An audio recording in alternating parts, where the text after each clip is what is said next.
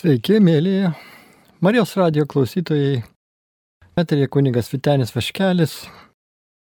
Ir mes susitinkame šiandien kaip tik šitoje laidoje, jo žaizdomis išgydyti, dar kartą apmastyti ir jau užbaigti tos apmąstymus apie priklausomybės, kurios tiko mūsų visų Ir tai žinome, kad priklauso nuo mūsų valios, nuo mūsų nebudrumo, nuo to, ar nesusigundysime blogiu.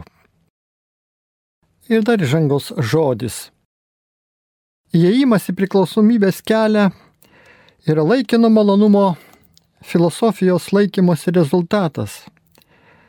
Priklausomas žmogus yra tas, kuris pirmiausia turi asmeninių problemų su gyvenimu, branda, o kita vertus su piknaudžiavimais įvairių dalykų atžvilgių. Kiekviena priklausomybė yra iliuzinės laimės siekis ir atsiranda ten, kur trūksta tikros laimės. Dabar pateiksiu dar pavyzdį apie vieną direktorę, kuri taip pat patyrė išlaisvinimą veikiant maloniai. Taip, gal tai, sakysime, reti pavyzdžiai, bet tai yra mūsų siekiamybė. Iš mažesnių klaidų priraišumo, iš didesnių priklausomybių. Viešpats tikrai parodo savo gailestingumą savo mylimiems kūriniams, taigi mums Tai pasinaudosiu tad ir mokslininko, ir psichiatro Amerikoje garsaus Geraldo Mairio liūdėjimais, kitais autoriais. Ir tad prabilsiu apie direktorę, vieną iš daugelio, kuri buvo priklausoma nuo streso. Ji visada daug dirbo ir persidirbdavo tačiau jos gyvenimas dar išlaikė pusiausvyrą iki tol, kol ji buvo pakelta savo kontoros vadove. Su įkaršiu stvėrėsi iš šių naujų pareigų ir nuveikdavo daug daugiau negu bet kuris iš jos pirmtakų. Neždamosi darbų namo, dažnai užsibūdavo iki nakties, kad užbaigtų projektą. Dirbo švenčių dienomis ir per atostogas, Vyras ir vaikai kurį laiką ją skatino. Dar niekada nebuvo matę jos tokios energingos ir gyvybingos. Tačiau buvo nueita per toli. Naktimis ėmė prastai mėgoti, o norėdama susikoncentruoti pajusdavo, kad mintis klajoja kažkur kitur. Nebegebėjo būti dėmesinga savo šeimai. Bandydama atsipalaiduoti, tapdavo dar nervingesnė. Draugai ir šeima sunerimo, patarė jai pristabdyti. Ji pritarė, ėmė lankyti aerobikos užsiemimus, po jų pasijūsdavo geriau, ramiau mėgodavo ir vis dėlto jautėsi vis labiau pavarkstanti. Išėjo dviem savaitėms atostogų, tačiau nepaliovė nerimavusi dėl kontoros.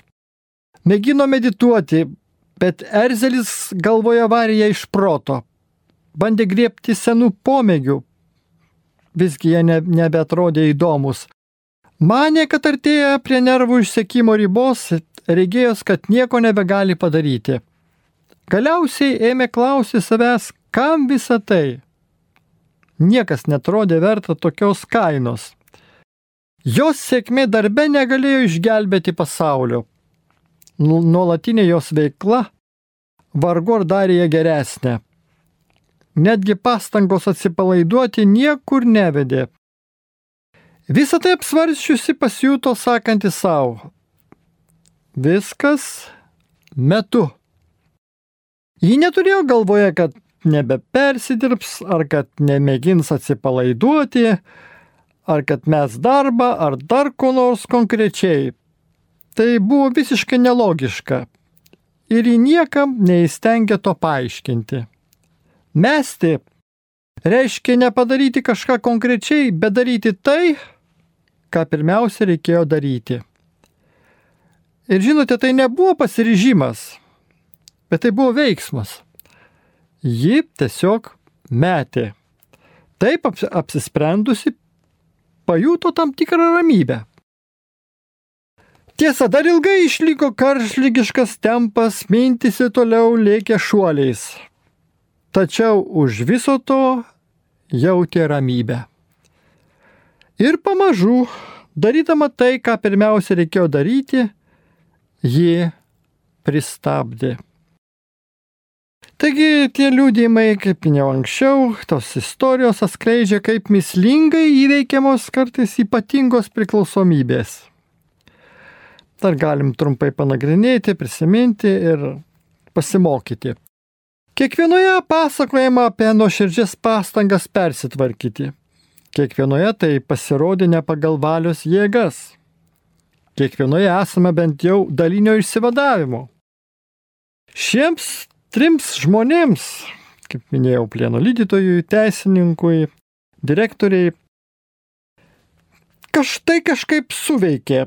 Kiekvienu atveju priklausoma elgsina pakito, bet pakaitalo nebuvo. Šie žmonės vis dar yra linkę į priklausomybę, kaip ir mes visi, tik jie išmoko būti ypač budrus, kiek tai susiję su jų konkrečiomis priklausomybėmis. Tačiau jie iš tiesų išsilaisvino. Plieno lykas ir toliau kas mėnesį ar panašiai lankosi pas anoniminius alkoholikus, tai padeda jam būti budriam. Jeigu jo apie tai užklausite, jis pasisakas, es jog sveikstantis alkoholikas. Ir to nesureikšmina. Dabar ir toliau jaučia norą išgerti, bet pasak jo, tiesiog negeriu. Teisininkas per metus praėjusius po jo romano jautė potraukį daugelį moterų, bet savo potraukius jis įveikė greitai ir paprastai. Jis liūdėjo. Įmu galvoti, kad tai būtų su konkrečia moterimi, o tada atpažįstu pavyzdį. Nekovoju su fantazijomis, nesistengiu išmesti jų už galvos, Tiesiog jomis neužsižaidžiu ir jos pasitraukia. Tam tikrą laiką atrodė, kad galiu mėgautis fantazijomis, liūdėjo teisininkas, tik turiu nemėginti jų realizuoti, bet to nepakako. Todėl paprasčiausiai jas pastebiu ir leidžiu joms savaime praeiti. Panašiai atsikratoma gatvėje pristojusio katino. Nereikia spirti, pakanka neduoti ėdalo. O direktorė vis dar turi saugotis, kad nepersidirbtų, užtat pagauna save, kai ima suktis per greitai. Tai ypatingas jausmas. Ji pasakoja, kaip tai prasideda. Pastebiu, kad bandau pralenkti dabartinę akimirką. Kad nebežiūriu į tai, kas yra dabar. Dėmesį kreipiu į tai, kas bus. Šį jausmą jis suvokė kaip pavojaus signalą, kaip ženklą, kad pats laikas atsikvėpti ir apsižvalgyti. Kaip yra nedu žmonės, jį nesistengia įveikti kylančio priklausomybės modelio, tiesiog į jį neįsivelia. Visi trys žino esą pažeidžiami. Jie gali lengvai vėl įpulti įpulti senasias priklausomas elgsenas. Kartais galvodami apie tai, pasijunta tarsi vaikščiotų siaura breuna. Nupulti taip lengva. Vis dėlto nors ir paradoksalu, jiems toli gražu nėra sunku išlaikyti pusiausvyrą. Kažkodėl jiems atrodė, kad pusiausvyrą gali išlaikyti kovodami, o išlaiko jie tiesiog nepersisverdami per kraštą. Nors šie trys žmonės savo pasakojimuose neakcentuoja religijos, jų istorijos atspindi subtilę dvasinę kokybę. Vienaip ar kitaip su tuo siejasi jų siekio paprastumas, tiesioginis pažeidžiamumas, su kuriuo jie stebi savo mintis, atviras susitelkimas į dabartį ir tai jie sugeba išlaikyti. Esame įsitikinę, ta kokybė kylant iš fakto, kad šie žmonės priklausomybių nieko nepakeitė. Jie susidūrė su erdve ir tam tikrą prasme su ją susidraugavo. Šios istorijos įgautų kitą kokybę, jei plieno leikas būtų pasakęs. Kas kart, užuot išgeręs alkoholio, išgeriu kavos podelį ir man tai padeda. O teisininkas būtų pasakęs, metu tas mintis apie seksą iš galvos. O direktorė būtų tarusi, kasdien 20 minučių būtinai medituoju. Tokie teiginiai rodytų, kad tuščios erdvės buvo užpildytos, kad žmonės vis tengiasi samoningai kontroliuoti savo elgseną. Tačiau vietoj to jos atspindi skaidrumą, švelnų, bet orų atvirumą tikroviai. Jie susidūrė su tikrai nepridengtų gyvenimu atviromis akimis. Kontempliacijos kokybę galima išvelgti kiekviename, kas susidūrė su tuštuma ir apsisprendė nesprūkti. Tokiems žmonėms išlieka pusiausviros erdvėje jausmas tarsi langas, atsiverintis tarp begalybės ir kasdienės patirties pasaulio. Dėl savo priklausomybių jie ne tik tapo išmintingesni ir labiau nusižeminę, sykių ir lengviau pasiekiami. Per savoją erdvę jie be perstojo kviečiami namo. Namo, to gilesnį santykį su savimi, aukšt, ieškant viešpatės absoliuto, nes jų tikėjimas dar tik tai užuomasgoje, bet malonė beldžiasi širdis, kviesdama suvokti, kad viešpas Dievas ne tik yra, bet jis myli visus, ypatingai trokštančius įsilaisvinimo ir siekiančius jo savo valia, savo veiksmais ir sustojimu, net liekant veiksmų. Be abejo, šitos istorijos yra tam tikros paslaptys, kaip tai viešpas va štai parodo savo gailestingumą. Tačiau viena aišku, tie žmonės, galima sakyti, jau ištarė tą savo į taip. Gal jie apie tai samoningai negalvojo, bet kažkas jų širdise norėjo susidurti su tuštuma ir likti su ją. Kažkas jų gelmėje apsisprendė nesprūkti, neieškoti priklausomybei kitų mažesnių priklausomybės pakaitalų. Kiekvienoje iš šių istorijų žmogus įgalinimo akimirką pasirenka išsilaisvinimo kelią ir nepaliauja jo rinktis. Ne vienas iš apsisprendimų nebuvo priverstinis.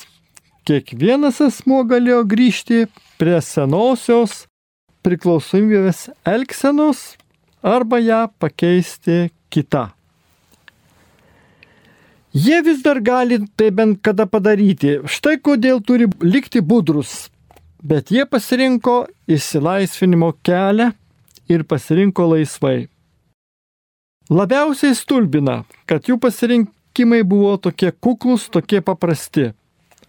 Po viso to, ką žinome apie tas dykumos kovas, apie pasipriešinimą skeziai, apie pasišventimo galę.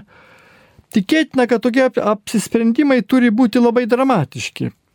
Galima spėti, kad tik iširdžiai ištariant Dievui taip, netruks didžių proto svarstymų ir emocinių perversmų, kuriuos lydės entuziastingas džiugavimas.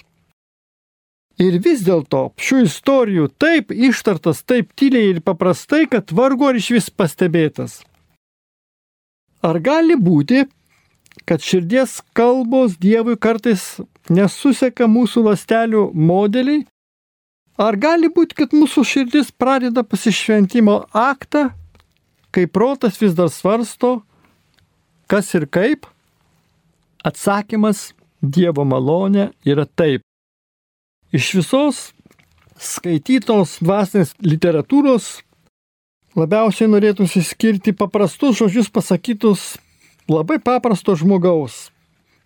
Brolis Laurinas, vienuolis, 17 amžiaus karmelitas, dirbo vienuolino virtuvėje ir parašė kelis žodžius apie Dievo buvimo praktiką. Tarp jo žodžių yra ir šie. Žmonės nusteptų, jei sužinotų, ką siela kartais kalba Dievui. Apaštalas Paulius laiškė romiečiams byloja, visi vedami Dievo dvasios yra Dievo vaikai, Jūsgi esate gavę nevergystės dovaną, kad ir vėl turėtumėt bijot, bet gavote į vaikystės dvasę, kurioje šaukiame Aba tėve. Minėtas brolis Laurinas buvo teisus. Mūsų širdise, anapus visų mūsų vaizdinių, vyksta tam tikras dialogas su Dievu. Galim sakyti, kad Mano protas žaidžia gaudinės su mano širdimi. Gal ir man patiktų manyti, esą savo kursą nusibrėžiu savarankiškai, tačiau vis aptinku, kad mano laivelis nuolatos paklūsta gilesnėms, paslėptoms malonių srovėms. Svarbiausia tai, kas vyksta šiuo slaptu lygmeniu, kaip tai pavadinsime ar suprasme, jau šalutinis dalykas.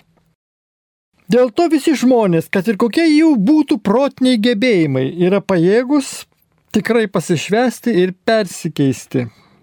Net protiškai atsilikę, sergantis šizofrenija, pažeistomis smegenimis, žmonijos bendrijos nariai dvasiškai aukti gali ne kiek nemažiau. Ir yra liūdimų kad kai kuriais atvejais jie būna netgi labiau palaiminti. Viena medikė pasakoja apie protiškai atsilikusi žmogų atėjusi pas ją dvasinių nurodymų. Pasak jos, jo namuose yra vietos. Tai reikia suprasti, kad va štai yra tame jo to žmogaus gyvenime malonės, erdvės, kurių jis turi iš viešpatės jų sulaukęs. Ir dabar galim jau konkrečiai pakalbėti apie gyvenimo būdą, sažiningumą, kaip savybę gyventi pasišventus Dievui. O tai labai svarbu priklausomybių atžvilgių. Sažiningumas reiškia prieimimą. Pirmiausia, turime priimti savo priklausomybės faktą. Priimti tai nepatvirtinti, o sutikti ir pažinti, kad ji tikrai egzistuoja. Aišku, religinės terminologijos kalba tokio priimimo atmaina yra išpažintis. Konkrečios priklausomybės, jų atvejais, prieimimas reiškia pripažinimą, kad problema egzistuoja. Pasišventimo kontekste tai reiškia pripažinimą, kad mūsų prisirišimai yra mums tapę stabais, kad jie užtemdo Dievą. Be to, pripažinimas reiškia tam tikrą isterijos stoką. Pripažinę, kaip prisirišę esame, turime jaustis kalti. Jei to pernelik nekomplikuojame, toji kalti esti teigiama vientisa. Ji žymi atgailos atsigrėžimo į tikrąjį širdies troškimą pradžią. Tačiau pulti į saviplaką ir nepaliaujamą atsiprašinėjimą beveik visada reiškia tam tikrą išsisukinėjimą. Jei nuolatos pataikaujame savo kaltį dėl savųjų Dievo vaizdinių, na, tiesiog asmeninių superego, gal niekada ir neprisiruošime nutraukti elgsenos, dėl kurios labiausiai jaučiamės kalti. Po visą tai prasiveržia paprastutė malda, kurios Jėzus mus išmokė. Atleis mums mūsų kaltes, kaip ir mes atleidžiame savo kaltininkams. Neleis mūsų gundikti, bet gelbėk mus nuo pikto. Kartu su išpažintimi ir atgaila prasideda mūšis ir ima veikti kuo rimčiausios proto gudrybės. Sažiningumas darosi sunkesnis ir sikius svarbesnis. Dabar jis susijęs su pastovumu. Jis reiškia norą ir toliau žvelgti akis tiesai apie save, kad ir kaip grėsminga ar nemalonu būtų ją suvokti. Jis reiškia pastangas ir toliau taip elgti su savimi ir su Dievu, perprasi savasias proto gudrybės, pripažįstant, kaip jos mus gniuždo, atpažįsti savo bandymus pasprūkti, pripažinti savo nuopolius, įsisamoninti, kad patys su tuo susitvarkyti nepajėgiame. Ši nuolatinė akistata su savimi reikalauja jėgų ir tvirtybės. Nesėkmė negali mums būti dingstis liauti bandžius.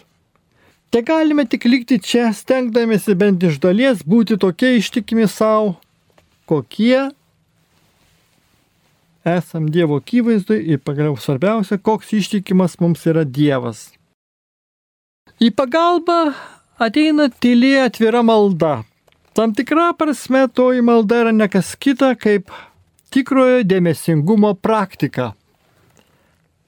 Čia kalbam ne apie meditaciją, kurios metu operuojama vaizdiniais, vaizdais ar Biblijos apmąstymais, o apie labiau kontemplatyvę praktiką, kurios metu tiesiog ramiai sėdima ir atsiveriama Dievui.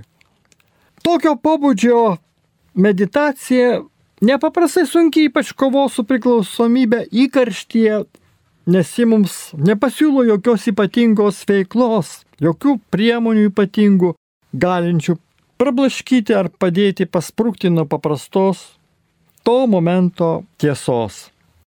Dėmesingumo meditacija gali būti tikra skezės praktika. Tai tarytum sielos pasninkas. Tai reikia tiesiog sėdėti, palinkusi Dievą, pastebint ateinančias ir nueinančias mintis bei pojūčius, nieko prie jų nepridedant, nieko iš jų netimant. Protui leidžiama būti tokiam, koks jis yra, tačiau jis yra regimas.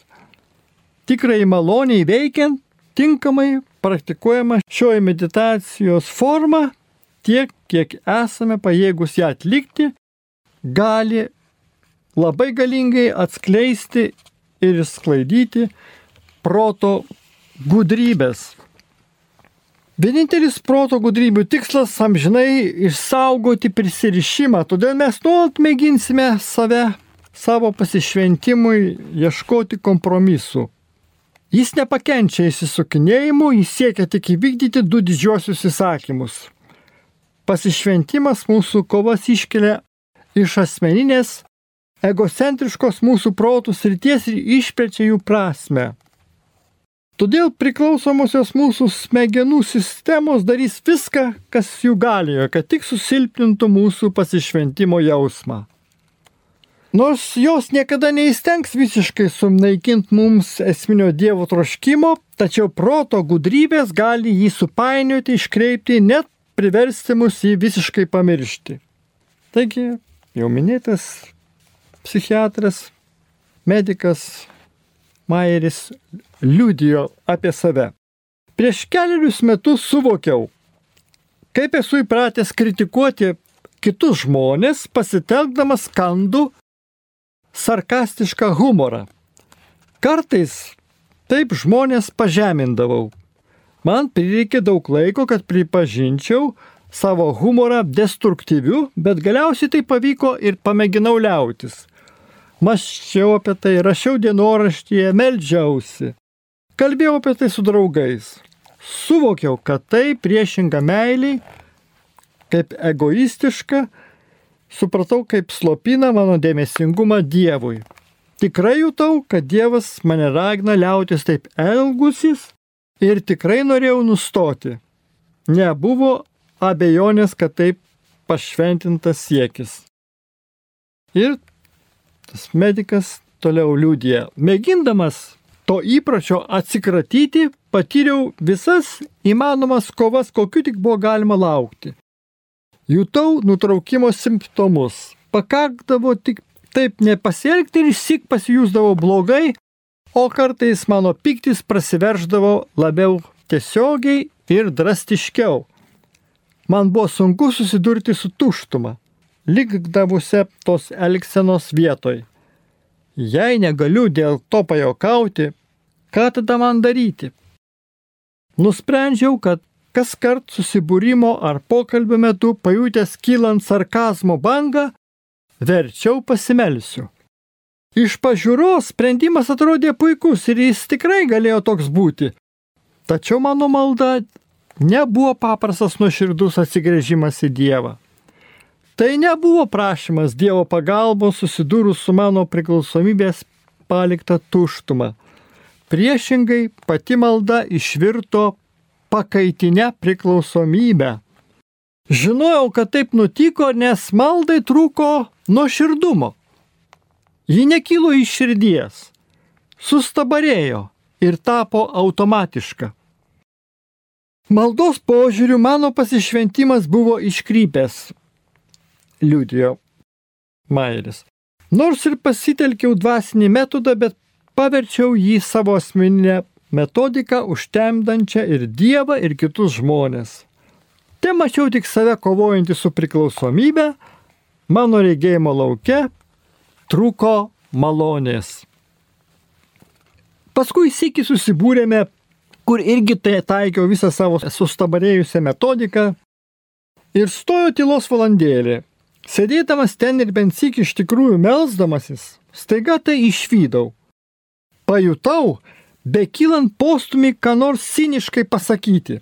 Stebėjau, kaip mano mintis sueina į mažą maldos vaizdinį pajutau jo keliamą apribojimą erdvės praradimą. Atsipalaidavau, atsivėriau ir malda išsisklaidė. Malda kabutėse. Tada jau viskas tapo paprasčiau. Nuo šios sarkastiško humoro vis dar esu priklausomas. Tačiau vieną proto gudrybę pagavau ir jau šiek tiek labiau noriu stoti akistaton su erdve liekančią tada, kai neįsiveliu į šią elgseną. Ir manau, mano pasišventimas darosi kiek aiškesnis. Senovės dikumos tėvas Saba Pemanas yra pasakęs, būdėjimas, savęs pažinimas ir suvokimas. Štai trys sielos vadovai Meditacija tik vienas iš būdų nuoširdžiai savistabai palengvinti. Kiti būdai - kasdieniai apmąstymai ir dienoraščio rašymas. Taip pat be galo svarbu tai apsvarsyti su kitais žmonėmis. Kad ir kaip mums mus pasiekia savistaba, bet ji būtina norit nuoširdžiai žvelgti savo santyki su Dievu ir prisirišimu. Pavyzdžiui, tai turiu galvoje melzdamasis. Tiesie tavo valia. Tačiau dėl tam tikro prisirišimo mano tikrasis troškimas, kad Dievo valia įsipildytų, visada esti ribojamas. Padeda buvimas kaip įmanoma nuoširdžiam galėjimas ištarti, tiesie tavo valia, bet šitą dalyką norėčiau pasilaikyti. Visiškai nėra ko gėdytis tokios maldos. Tai reiškia, kad akivaizdon Dievo tokio, koks jis yra, stojame tokie, kokie esame. Tai iš tiesų pamoka, kad va, mes galime būti savimi ir, pripažinti, kaip būdami tokie silpni maži, kad va, nenorime viešpatė dar šią valandėlę sutikti su tavo šventa valia. Norime dar pasilikti savo kažką kas tau nėra miela, bet, bet atleisk viešpatė. Galėtume taip pasakyti ir dar tęsti apmąstymą. Taigi tiesą sakant, mes per visą savo gyvenimą nuolatos nesamoningai sakome Dievui ne, neapsakomai daugybėje sričių. Nuoširdumas tiesiog mus klausia, ar esame linkę tai kai ką iš to pripažinti. Ar galime liauti slėpę savo slaptuosius troškimus ir pradėti juos atvirai reikšti akivaizdoj Dievo, kuris be abejo ir taip juos žino? Daugelis iš didžiųjų Senojo testamento veikėjų turėjo tokios drąsos. Jie prieštaravo Dievui, ginčijosi, kovojo su juo, oriai gynėsi. Galima tai vadinti akiplėšiškumu, bet šie žmonės buvo garbingi ir atrodo, kad ir Dievas juos už tai gerbė. Jėzus taip pat laikėsi oriai, trokšdamas įvykdyti Dievo valią, sikiu jis mokėjo įreikšti savo paties jausmus. Nuoširdumas Dievo akivaizdoje reikalauja visų esmingiausio, kokį tik galima prisiminti tikėjimo rizikos. Surizikuoti, kad Dievas geras, kad Dievas besąlygiškai mus myli, būtent išdrįsdami taip surizikuoti iš naujo atrandame savo orumą. Stoti su visa tiesa apie save, tokie kokie esame, akivaizdon Dievo, tokio, koks jis yra, visų garbingiausias veiksmas, kokį tik galime atlikti per savo gyvenimą.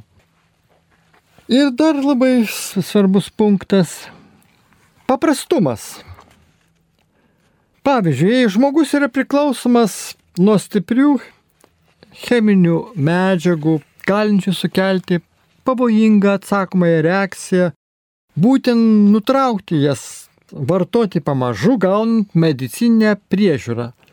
Lėtas nutraukimas gali metimo procesą prailginti kelioms dienoms ar savaitėms, bet vis tiek tai metimas. Nesvarbu, kaip mes norime plėtoti ir tobulinti priklausomos elgsenos nutraukimo procesą, jis vis tiek susiveda į štai ką. To nedaryti.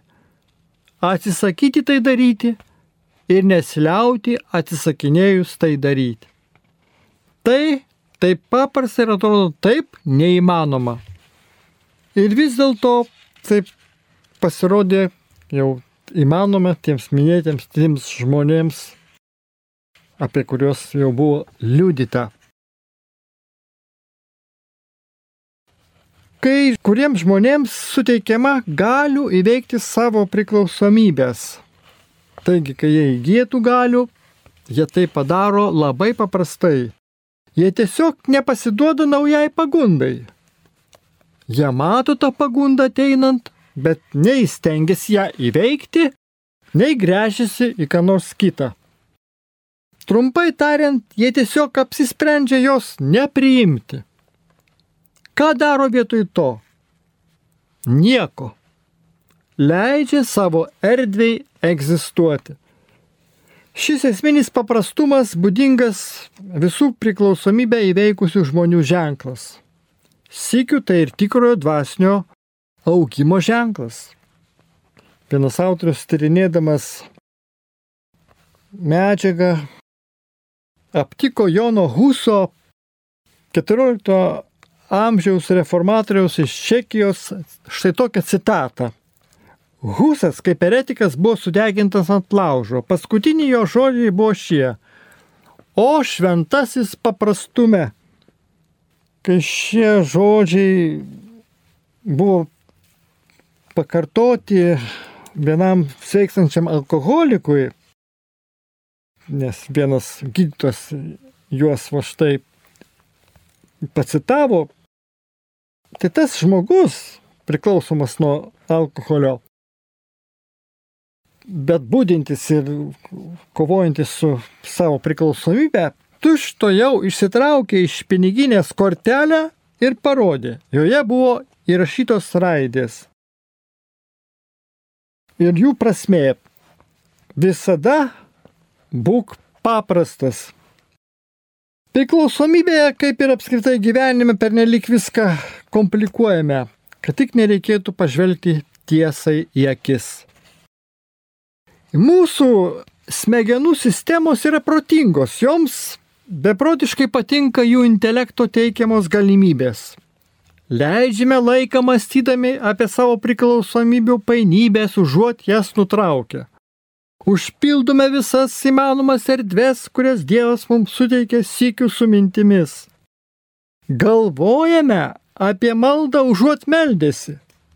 Ne, neprivalome savo intelekto užgneušti, tačiau aptikę, kad mūsų protai stengiasi painiuti minčių Gordijaus mazgus, pasielgtume išmintingai, sulaikydami kvėpavimą ir pažvelgdami, kaip tiesiog mėginame išvengti paprasčiausios tiesos.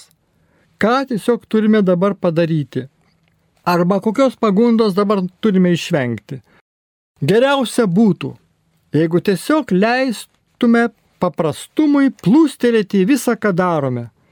Priklausomybės paprastumas tiesiog kitą syk nekartoti priklausomos elgsenos. Dvasinio gyvenimo paprastumas - gyventi su meile.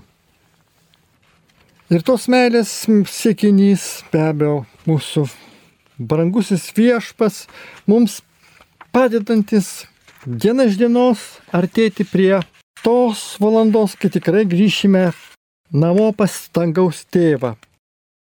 Taigi šito mes siekiame per visas savo gyvenimo dienas viešpatį pažindami, melzdamiesi, prašydami, kad va iš tikrųjų su šventuoju Augustinu kalbėdami, kad mūsų širdys niekada nepažins poilsio, jos ir neturi ilsėtis, kol nenurims Dieve. Taigi šis brangus nerimas Polsio stoka prieš yra išreiškiamas mūsų fizinių pavydalų.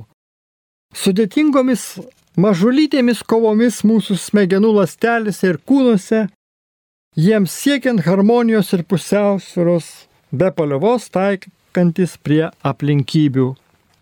Taigi mūsų esminė negalė yra sikių ir neurologinis reiškinys ir pati brangiausia Dievo dovana. Tai nereiškia, kad kas nors negerai, priešingai reiškia, kad viskas yra kur kas teisingiau, nei galėtume tikėtis. Tai nėra problema, kurią reikėtų išspręsti, nei patologija, kurią reikėtų gydyti, nei lyga, kuriai reikėtų slaugos. Norėtų prisiminti dar, kaip esu minėjęs, Hansą Baltazarą, kuris mus nukreipia į Kristų dėl mūsų ant kryžiaus pasiaukojusi savo gyvybę, savo meilę, viską atidavusi. Ir tie žodžiai, vaizdiniai jo yra mums paskata, kad mes dar iki kraujų, kaip paštas Paulius sako, nekovojame dėl išlikimo tiesoje, atsisakant nuodėmės, vergyjos, priklausomybių jungo. Tai štai viešpats, kybodamas ant kryžiaus, to teologo Hanso Baltasaro žodžiais. Štai ką jis išgyveno.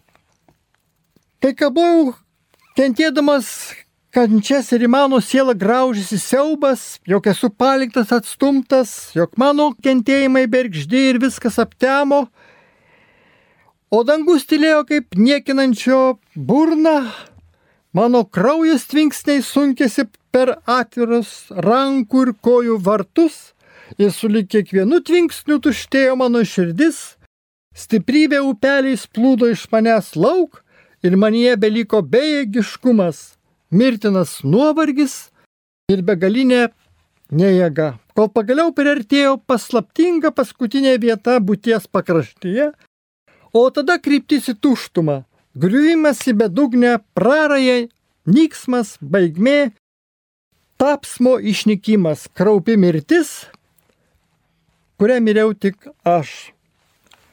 Byloja viešpas šito teologo žodžiais, mintimis.